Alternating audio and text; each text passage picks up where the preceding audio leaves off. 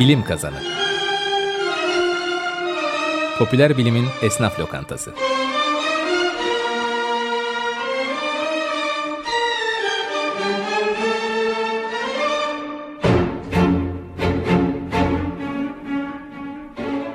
Hazırlayan ve sunanlar İlker Öztop, Alp Sipahigil ve Aysu Uygur.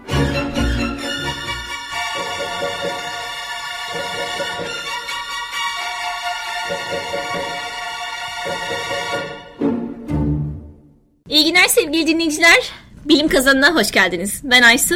Ben Alp. Ben İlker. Ve konuğumuz Doktor Tuğba. Bağcı. Önder.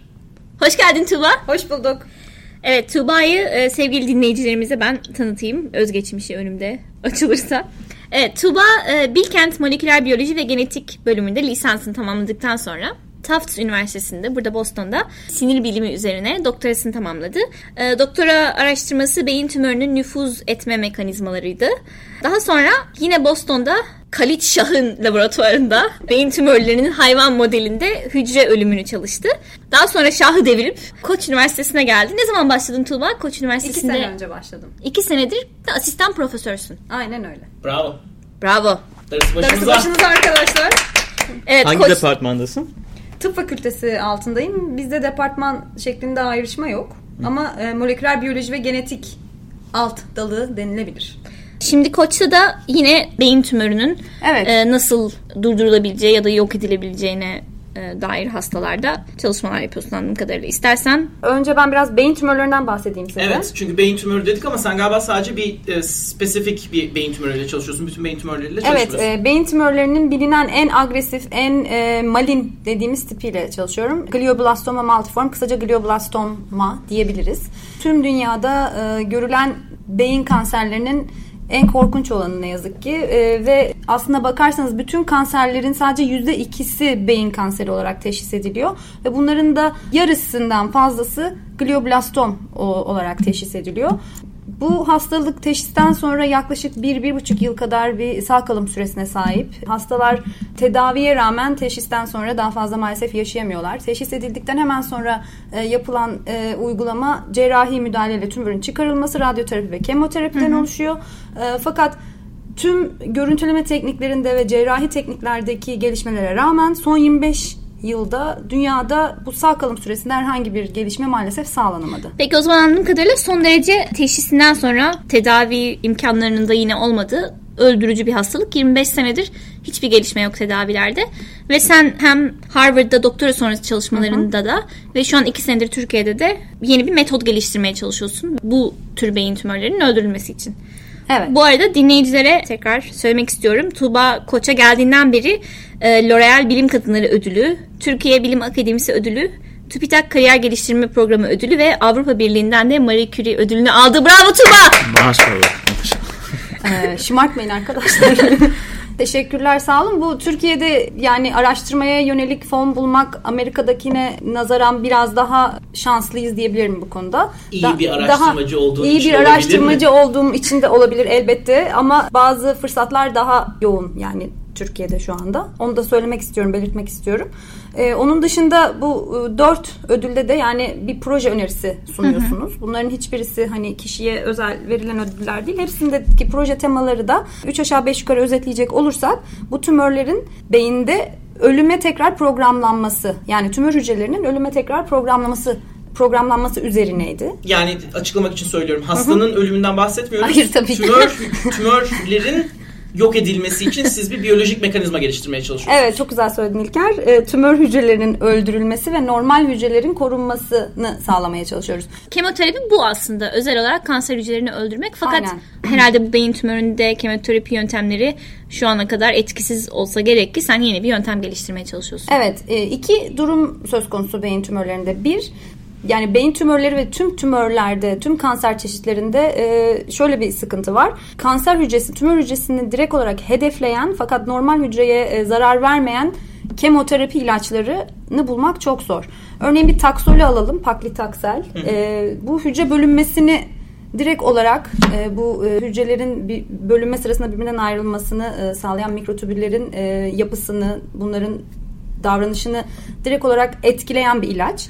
Dolayısıyla sadece tümör hücrelerini değil normal hücreleri de hedefleyebiliyor örneğin Taxol denilen ilaç. Yani bölünen her hücreyi Evet bölünen e, her hücreyi hedefleyebiliyor. Örneğin yan ilaç. etki olarak taksolün e, yan etkilerinden bir tanesi saç dökülmesi ya da e, gastrointestinal şikayetler. Bunlar neden? Çünkü oradaki hücreler sık bölünen hücreler. Yani bu yan etki olarak kaybolan hücreler vücudumuzda kemoterapinin yan etkisi olarak kaybolan hücreler aslında sık bölünen hücreler. E, bunu da belirtmek istiyorum. Ama zaten bölünen hücrelerin hedef alınması sebebi kanser hücreleri Kanser bölüne hücreleri. bölüne çoğalmasın diye. Yani normal hücrelerden çok daha hızlı Çok bölündüğü daha için hızlı kanser hücreleri için, evet. hastalığa sebep oluyor. Aynen öyle. Siz bu özelliği hedef alarak e, spesifik bir şey yapmaya çalışıyorsunuz. İlaç bulmaya Tera- çalışıyoruz. Terapi geliştirmeye Evet. çalışıyorsunuz. Ee, bizim hedefimiz sadece bölünmeyi durdurması üzerine değil. Bizim hedefimiz ölmeyen tümör hücrelerini e, öldürebilmek üzerine. Yani normalde vücutta şöyle bir denge var. Tüm hücrelerimiz yani sağlıklı hücrelerimiz e, bölünür ve bir noktada da ölür. Buna programlama programlı hücre ölümü deniyor. E, ve tümör hücreleri maalesef ölmeyi başaramıyor. Yani sürekli bölünme kapasitesi elde ediyor ve de ölme kapasitesini de bir şekilde yok ediyor kendi içerisinde. Bunu genetik olarak yapıyor. Ee, gene, genomundaki bir sürü mutasyon sonucunda artık ölemeyen hücreler haline geliyor. Şimdi şöyle bir şey var. Sadece bölünmeyi durdurmayalım. Aynı zamanda bunları öldürelim demek için biz dışarıdan e, bir ölüm proteini, trail dediğimiz e, bunları ölüme tekrar yönlendirebilecek dışarıdan verilen bir proteini aktarmaya çalışıyoruz. Bir sinyal bu yani. Moleküler Evet bu bir sinyal. sinyal. Ve bu sinyal aslında e, biyolojik bazı verilerle bulunmuş. Yani biyolojinin farklı bir alanında öğrendiklerimizi programlam hücre ölümü e, üzerine çalışan bilim insanlarının bulduğu bu ligandın, bu proteinin aslında tümör hücrelerinde ölüme yönlendirebildiği 90'ların ortalarında bulunuyor. E, 2000'lerin başında da e, bunların tümöre spesifik olarak bir etki mekanizması olduğu gösteriliyor. Biz de laboratuvarımızda, ben Harvard'da da buna başlamıştım, şimdi de devam ediyorum. Bu trail denen e, ligandı yani proteini tümör hücrelerine aktarıp bunları öldürmeye çalışıyoruz. Peki burada şeyi nasıl sağlıyorsunuz? Hücrelerle mi çalışıyorsunuz? Hastalarla mı çalışıyorsunuz? Model hayvan mı kullanıyorsunuz? Bir de treyli dediğim ligantı bu deneysel sisteme nasıl veriyorsunuz? Yani o gidip kendini buluyor kanserli hücreyi sizin sisteminizde yoksa siz oraya hedefleyerek mi koyuyorsunuz?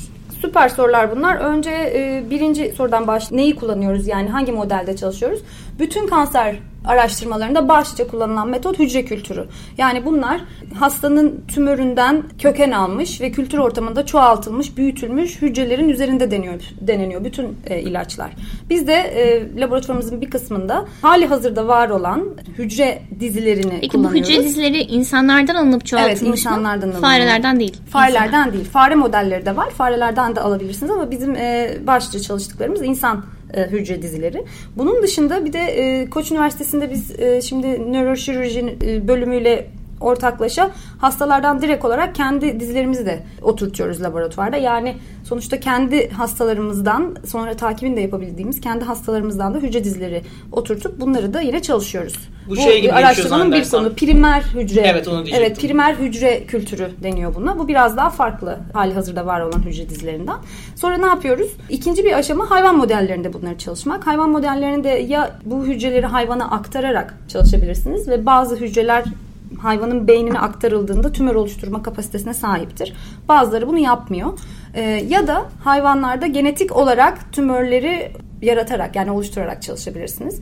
Biz birincisini kullanıyoruz. Yani bu tümör hücrelerini, dizilerini hayvanın beynine bazı metotlarla aktarıp hayvanda bu tümörlerin büyümesini, gelişmesini bir şekilde monitör ediyoruz. Peki orada hemen bir şey söyleyeceğim. Hayvana transfer ettiğiniz hücreler insanlardaki kanser Evet. dokusundan alıyorsunuz, tümör dokusundan alıyorsunuz. Yani fare modelinde insan hücreleri entegre ederek insan fare karışım bir model yapmış oluyoruz. Şimdi buna ne deniyor? Xenograft modeli deniyor. Bunu da hani bilmeyenler için e, söyleyelim. Yani E, yabancı e, Evet. graft. Evet yabancı graft. Peki bu nasıl farede oluşuyor? Sonuçta herhangi bir insan hücre- hücresinin normal bir farenin bağışıklık sistemine karşı yenik düşmesini beklersiniz. E, fakat bizim kullandığımız fareler tüm dünyada da böyle kullanılıyor. Bağışıklığı baskılanmış fareler. Dolayısıyla sizin verdiğiniz tümör hücresi hangi e, türden gelirse gelsin orada büyüyebiliyor. Yani Peki bağışıklık bağışıklık- sistemi tarafından Reddedilmiyor. elimine edilmiyor. reddedilmiyor. Bağışıklığı genel olarak söylüyorum. Bağışıklığı azaltılmış ya da e, Baskılanmış. baskılanmış Hı hı. bu farelerde kanserin gelişimi açısından farklılık var mı normal farelere kıyasla? Çok güzel bir soru bu. Bu da e, şeye geliyor kanser immünolojisine e, giriyor bu konu aslında. Evet ve hayır yani biraz karışık orası. Bağışıklık sisteminin hücreleri e, kesinlikle yok ettiği yani tümör oluşumuna e, bir şekilde olumsuz etkisi olduğu biliniyor. Hatta bunun da modelleri çalışılmış e, Evet. durumda.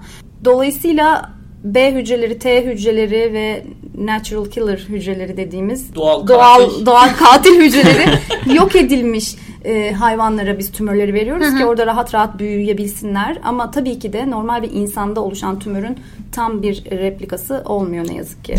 Radyolarını e, yeni açan dinleyicilerimize hatırlatmak e, isterim. Doktor Tuğba Bağcı Önder bugün konuğumuz ve kendisi Koç Üniversitesi'nde şu an biyoloji departmanı mıydı? Tıp fakültesi Tıp fakültesinde altında moleküler biyoloji ve genetik. departmanında asistan profesör. Bugün bize çalıştığı konuyu anlatıyor. Peki Tuğba bir de aklımda şöyle bir soru vardı. Sen beyin tümörü üzerine çalışıyorsun. Beyin tümörünü özel olarak yok etmenin yöntemlerini araştırıyorsun. Yeni bir kemoterapi olabilir bu. Peki e, senin bulduğun ya da bulmaya çalıştığın yöntem diyelim ki işe yaradı. Normal bir tümörde çalışması da mümkün değil mi? Yani neden beyni model olarak seçtin? Hmm, çok Senin güzel. özel olarak çalıştığın konuda ve diğer tümörlerde e, hedef alınabilir mi bu yöntemle? Tabii tabii. Trail e, dediğim ligand e, olsun ya da e, tümör ölümünü tetikleyici terapiler olsun. Bunlar bütün kanserlere uygulanabilecek şeyler. E, ben niye beyni seçtim? Çünkü bir e, sinir bilimciyim e, sonuçta ve beyin kanserlerinde özellikle size söylemediğim bir parça bir şey daha kaldı. E, her türlü O zaman şimdi söyle. Tamam. Hala kayıttayız. Ee, peki kayıttayız devam o zaman. Şöyle bir şey var. Kan beyin bariyeri diye bir yapı var. Benim de size söylemediğim şeyler var bu arada. İlker seninkileri asla yayınlamayacağız.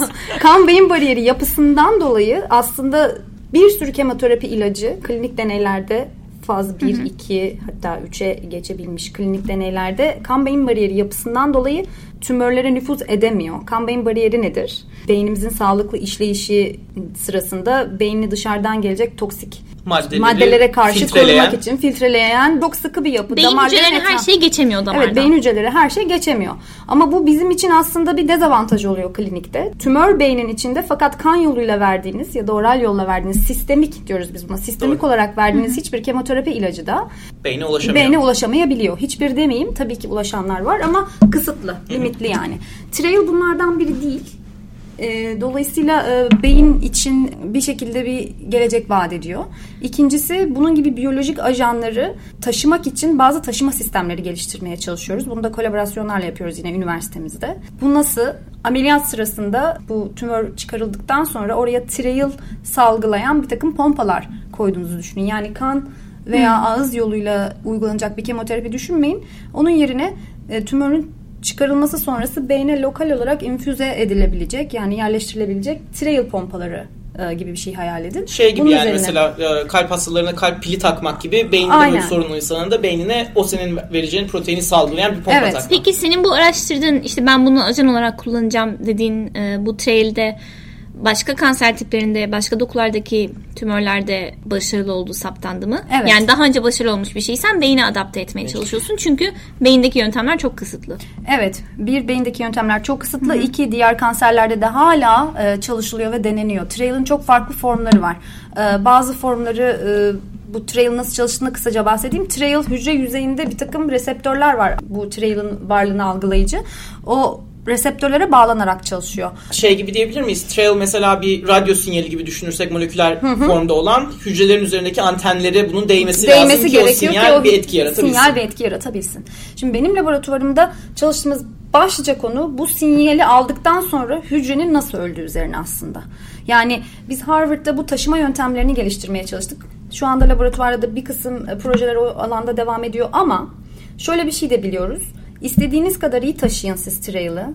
Kan beyin, beyin bariyerini de geçin. Hayvan modellerinde diyelim ki insana da taşıyın bu tedaviyi tümörlerin biyolojik farklılıklarından dolayı bir kısmı hücrelerin trail'dan etkilenebilir, bir kısmı etkilenmeyebilir.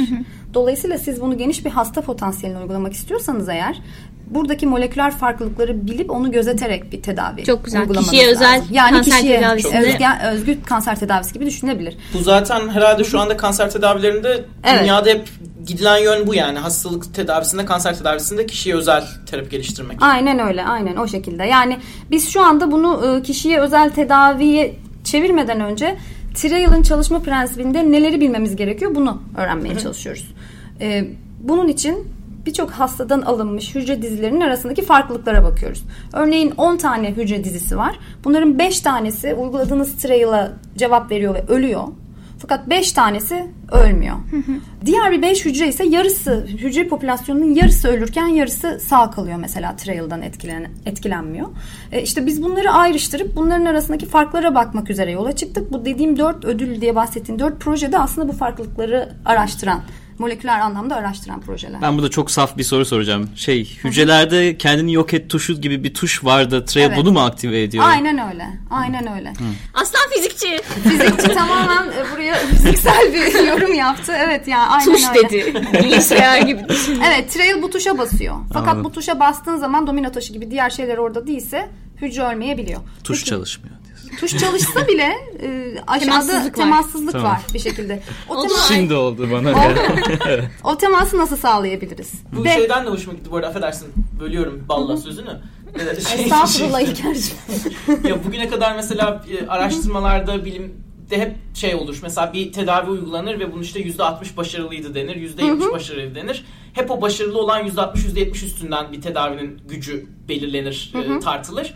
Ama şu anda senin de yaptığın zaten bu ve bütün alanlarda yapılmaya çalışan o çalışmayan %40'da %30'da niye çalışmadığını anlayarak ona uygun bir şekilde özelleştirmek.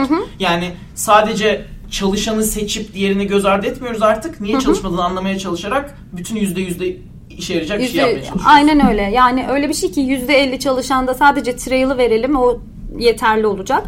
Geriye kalan yüzde ellide ise trail'a ilaveten bir şeyler daha yapalım ve etkili bir tedavi oluşturalım.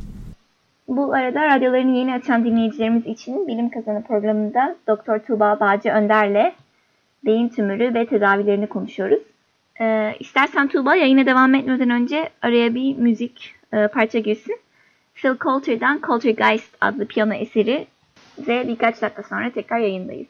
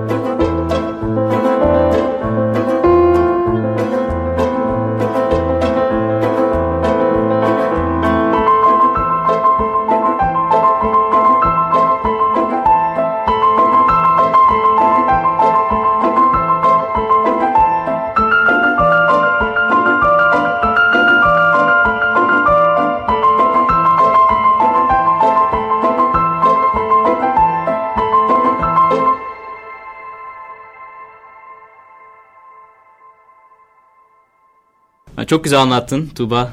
Çok teşekkür ederiz. Şimdi sana alakasız yerden birkaç soru soracağız. Ay yazma konu. Sana şey sormak istiyorum. 50 Tuğba.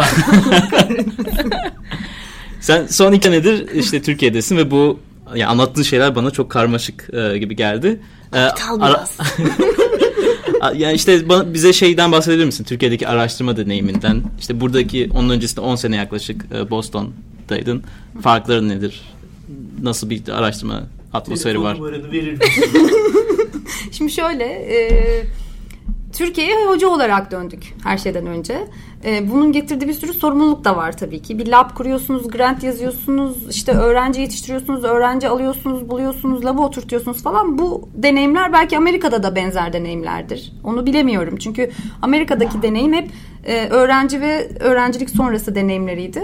O açıdan Türkiye deneyimi biraz daha farklı. Ama hiç kimse korkmasın. Hani Türkiye'ye dönmek isteyen insanlar için söylüyorum. Korkmasın. Çünkü yeni bir ekip oluşuyor orada. Yeni bir kan var. Yani yeni bir can var e, Türkiye'de. Biz onun için benim beklentilerimin üstünde söyleyeceğim. Çok mutluyuz aslında şu an için. Özellikle Koç'ta tıp fakültesi yeni açılan e, Bir okul. bir okul değil mi? O yüzden belki bunun bir avantajı da olmuş olabilir senin durumunda. Yeni bol bol kurulan- yeni kan var açı. Siz ilk girenler olduğunuz için kurucusunuz da zaten bölümde herhalde. Siz Evet dediğim gibi yani. bizde bölümleşme yok ama en azından araştırma altyapısının kurulmasında hani e, büyük rol oynamış olduk. O, o çok keyifliydi ve de e, benim için öbür keyifli tarafı eğitim kısmında çok büyük rol oynamış olduk. Daha doğrusu lisansüstü ve doktora eğitimi e, kısmında büyük rol oynamış olduk. Yeni doktora öğrencileri, master öğrencileri alıp onları Amerika düzeyinde bir laboratuvara alıştırmaya çalışmak, yeni bir düzen kurmak, bu öğrencilere biraz böyle bilim heyecanını pompalamak, vermek gibi şeyler beni çok mutlu etti. E, dolayısıyla o açıdan Türkiye güzel bir deneyimdi ilk senelik deneyim Peki olarak. e, mesela programımızı dinleyen bilime heves etmiş gençlerden kimlere diyelim senin laboratuvarına gelip çalışmak isteyen olursa ya da Koç Üniversitesi'nde başka laboratuvarlarda bu yeni kurulan söylediğin aktif ve heyecanlı bilim komünitesinin bir parçası olmak isteyen e, genç öğrencilerden hangileri sana e-mail atmalı, sana başvurmalı veya e, hangi noktada araştırmaya başlamaları lazım? İşte lisans öğrencisi olup yazları mı mesela kapını yumruklasınlar yoksa üniversite bitmiş olanları mı tercih edersin? Nasıl bir ekip kurmaya çalışıyorsun? Aradığın genç kanlar kimler? Şimdi aslına bakarsan e, her e, seviyeden ekip elemanı arıyorum. Evvela şu anda aradığım bir postdoc. Dolayısıyla üstü doktora üstü yani doktora sonrası. Çünkü hani bir nevi e, labın e, çekip çevrilmesinde ve e, deneylerin işleyişinde biraz daha bilgili, deneyimli, Tecrübeli, tecrübeli, evet. birilerine ihtiyaç var şu anda. Ama onun haricinde her seviyeden lise seviyesine, lise seviyesi, üniversite, lisans, lisansüstü her seviyeden başvuran, kapımı yumruklayan var. Ve e, genelde e, elimizden geldiğince hani yardım etmeye çalışıyoruz. Bilim kazanı referansıyla gidenler öncelik alacak herhalde. Bilim kazanı referansıyla gidenler. Ve indirim. o kısmını ben bilmiyorum indirim kısmını ama öncelik alabilir evet buradan kendilerine şey e, Selam çak. selam veriyorum. Ben lisedeyken de hatırlıyorum. Koç Üniversitesi'nin liselilere yönelik bir yaz araştırma Evet. programı vardı. Bilmiyorum hala devam ediyor mu? Aa, Evet evet bu yaz da vardı. Hatta çok ilginç bir program yani. Ben Alp seni henüz- almamışlar galiba aklında kalmış. Benim e, tabii bu yaz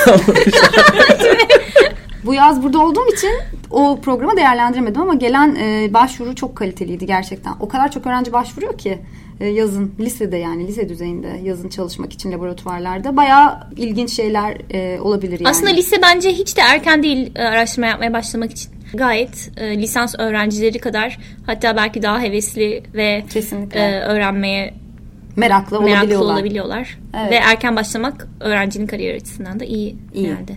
Kesinlikle. O zaman Tuğba çok teşekkür ederiz. E, geldin burayı şenlendirdin. Biraz cıvıdık sana ama olsun yabancı değilsin. Estağfurullah. Büyük bir zevkti benim için. Biz çok memnun olduk. Teşekkür ediyoruz sana. Bize Ben ulaşabileceğiniz adresler www.bilimkazani.org, Tuğba'nın web sitesi. bağcıönderlab.ku.edu.tr Çok güzel bir adresmiş. Ve e, Bizim Facebook ve Twitter sayfalarımız bizim bilim kazanı. Bize e-mail atmak isterseniz de www değil. isterseniz e-mail adresimiz bilimkazaniposta@gmail.com. o zaman Tuğba Bilim kazan. biz kepçe! Bilim Kazanı Popüler Bilimin Esnaf Lokantası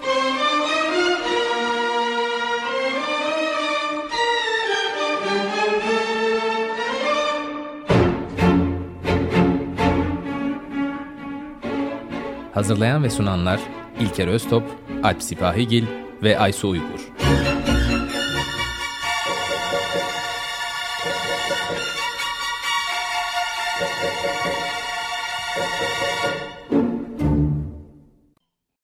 Radyo program destekçisi olun. Bir veya daha fazla programa destek olmak için 212 alan koduyla 343 41 41